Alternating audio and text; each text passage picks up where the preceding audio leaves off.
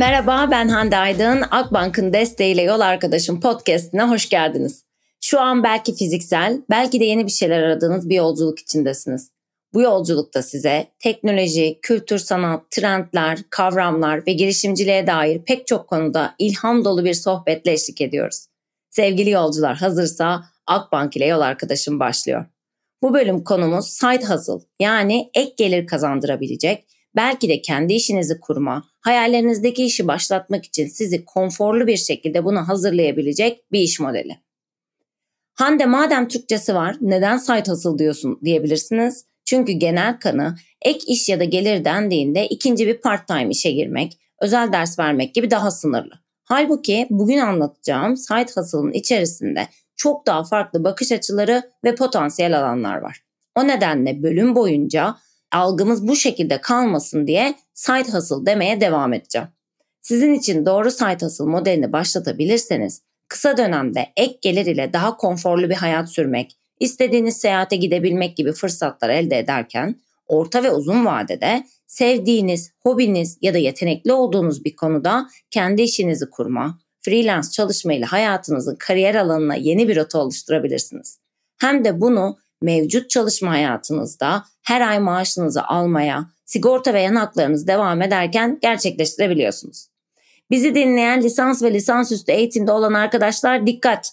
Bu konu sizler için de çok önemli. Tecrübe edinmek, maddi kaygılar nedeniyle ya da belki istemediğiniz bir bölümde başka bir mesleğin hayaliyle yaşıyorsanız side hustle modeli sizin için de hayat değiştirici olabilir.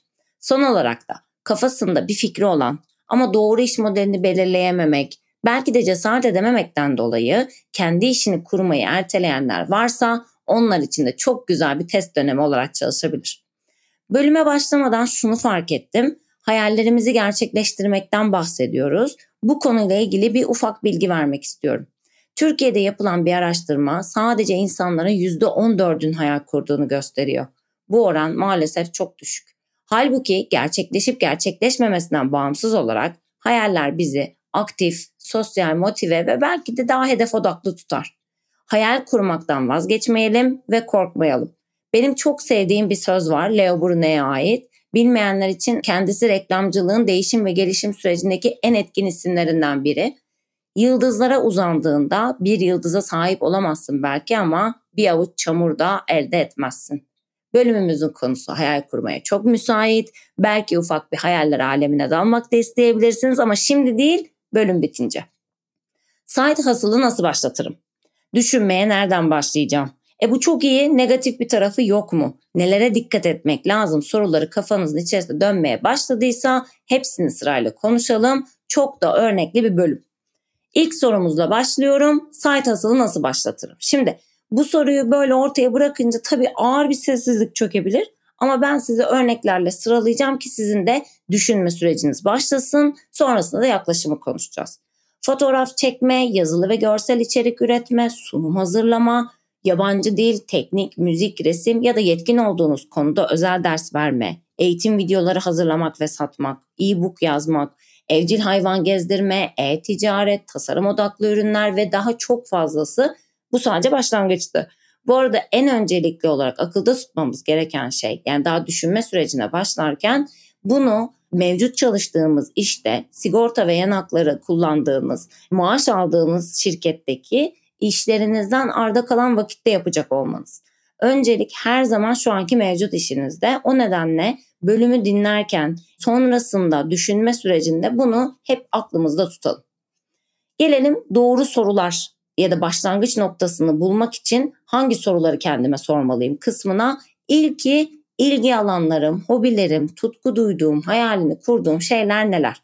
Bu çok güzel bir başlangıç noktası olabilir. Hemen bir örnek veriyorum kendi arkadaşımdan. Kendisi köpekleri çok seven, bir muhasebe şirketinde çalışan ama işini de çok sevmeyerek sadece maddi kaygılardan dolayı devam ettiği bir işte çalışırken köpek ve tıraş bakım eğitimine katılıp sertifikasını aldı.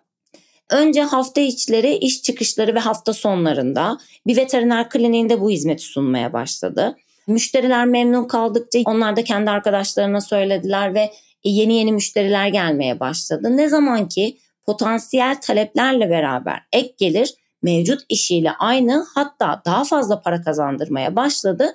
O zaman işinden ayrılıp eğitimde tanıştığı bir arkadaşıyla beraber çok ufak bir dükkan kiralayıp kendi şirketlerini kurdular.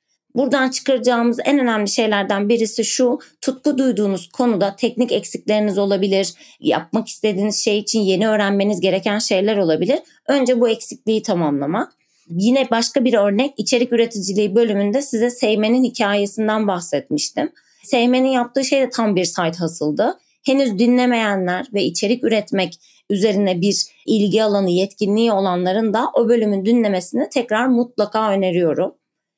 Bir diğer başlangıç noktası için doğru soru neyin eğitimini aldım, hangi iş alanında çalışıyorum? Yani şu anki iş tanımımı ya da teknik bilgi becerimi freelance olarak ya da ürünleştirerek bir site hasıl başlatabilir miyim?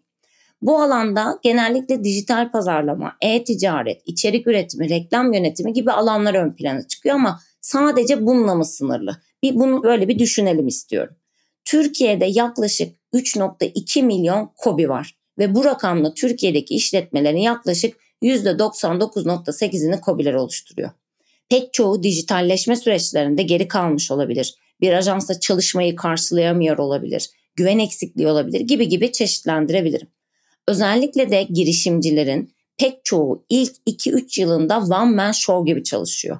Sosyal medya yönetimi, sipariş yönetimi, fotoğraf çekimi, müşteri hizmetleri, web sitesine ürün yükleme, mailing ve daha pek çok alanda.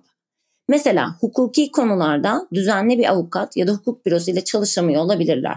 Ama hepsinin hukuki danışmanlığa en basitinden sözleşme ihtiyaçları oluyor.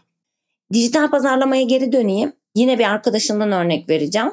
Düzenli bir yerde çalışırken iki farklı firmaya freelance hizmet vermeye başladı ve çalıştığı yerlerden bir tanesi onu lansman etkinliğine davet etti. Orada yeni insanlarla tanışıp farklı farklı kişilerle konuştu ve tanıştığı insanlardan bir tanesi çok daha iyi koşullarla başka bir sektörde aynı görev tanımı için ona bir iş teklif etti.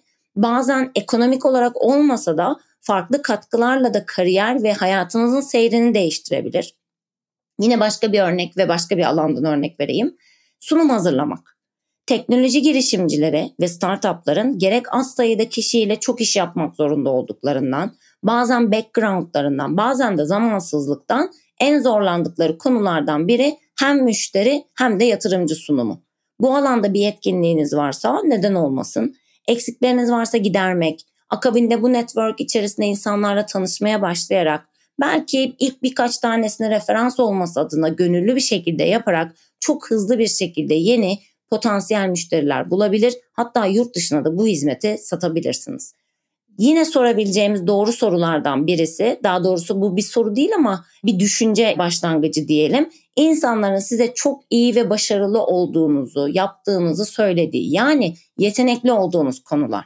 Makyaj yapmak, tasarım, dekorasyon, spor arkadaşlığı, anlatıcılık. Anlatıcılık konusunu açalım. Bazı kişiler bir işi çok iyi yapabilir ve fakat bunu anlatmak konusunda başarılı olmayabilirler. Bazı insanlar da anlatıcılık konusunda çok yeteneklidir akılda kalıcı, basite indirgeyerek belki eğlenceli bir şekilde anlatabilir. Hemen konuyla ilgili bir örnek veriyorum. Silver Surfers adını verdiğimiz bir hedef kitle vardır. Kimdir bunlar? Aslında saçlarına aklar düşmüş olan, dijitali öğrenmeye çalışan 55 yaş ve üstü bireyler. Bilgisayar kullanmak, cep telefonu daha yetkin kullanma ve dijital dünyaya uyum sağlamayı isteyenler. Böyle bir yetkinliğiniz varsa bu kişilere özel ders verebilirsiniz Emin olun kulaktan kulağa belki de en hızlı yayılacak olan hizmetlerden biri bu olabilir. Yine başka bir örnek, iş yerinden tanıdığım bir erkek arkadaşımın herkesin çok beğendiği bir takı, özellikle de bileklik zevki vardı. Hafta sonları bayağı kapalı çarşıya giderek aklındakini ustaya anlatıp tasarlatırdı. Önce ofistekiler, sonra müşteri toplantılarında müşteriler, kendi arkadaşları sipariş vermeye bize de yaptır demeye başladı. Şimdi pek çok şehirde ve bazı Avrupa ülkelerinde konsept storelarda satılan bir markanın sahibi yaklaşık 3 yıl boyunca bu işi site hasıl olarak yürüttü. Özellikle yurt dışı operasyonu başlamasıyla beraber tempo gereği ayrılmak durumunda kaldı. Son olarak yine sizi düşündürmesi için bir bakış açısı daha paylaşmak istiyorum. E, bazen de etrafınızdaki koşullar, aileniz, ailenizin kökeni ya da onlara kalan aile işi de bir başlangıç noktası olabilir. ailesinde tekstil geçmişi olan kişiler için doğru malzemeyi bulmak ya da yıllarca gelecek know-how'a çok hızlı bir şekilde sahip olmak mümkün olabiliyor. Hemen örneklendireyim. Le Benjamin'in kurucusu Bünyamin Aydın tekstil ile uğraşan bir aileden geliyor. Hayat hep tekstil atölyelerine geçmiş.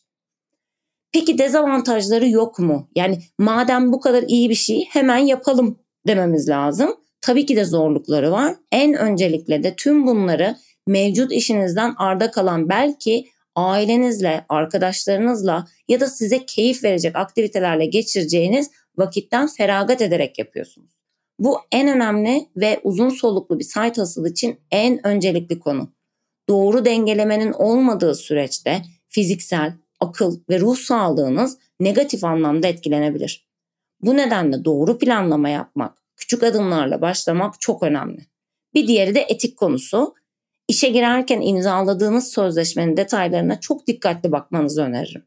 Bu istenmeyen bir durum olabilir, belirli sektör ya da kurumlarla istenmiyor olabilir, çıkar çatışması durumu olabilir, rekabet olabilir. Bu konularda da çok hassas davranmak gerekiyor. Son olarak da gerçekleştirebileceğinizden daha fazlasını vaat etmemek. İkinci faz gibi belki de isimlendirebileceğimiz iş modeli kurma kısmını tabii ki ileride bir bölüm olarak ele alacağız ama önden teaser vereyim. İş modelinizi valide etmek ve doğru hedef kitleyi belirlemek emin olun en öncelikliler arasında. Son olarak bu tabii ki bir kariyer tavsiyesi değildir. Ama özellikle 25 yaş 35 yaş arasında tanıştığım, mentorluk yaptığım kişilerin bazı alanlarda sıkışmış, hayatı sorguladığını ve site hustle'dan bahsettiğimde çok heyecanlandıklarını gördüğüm için sizlerle de paylaşmak istedim. Belki bu bölümden sonra kafanızda yeni bir fikir oluşur. Bir ön çalışma sonrasında denemeye ya da size göre olmadığına karar verirsiniz. Yol arkadaşı olmak böyle bir şey. Benim aklıma gelmeyen ya da karşıma çıkmayan ama sizlerin yetkinlikleri, ilgi alanları olduğunu düşündüğüm yüzlerce başlık var. Yolculuğunuzda size eşlik etmek büyük keyifti. Umarım sizin için de öyledir. Akbank'ın desteğiyle yol arkadaşlığımız devam edecek. Yeni bölümlerden anında haberdar olmak için kanalımızı takip etmeyi unutmayın. Bir sonraki bölümde görüşene kadar tüm yolculuklarınızda neşe ve merakla kalın. En güzel günler. Görüşmek üzere.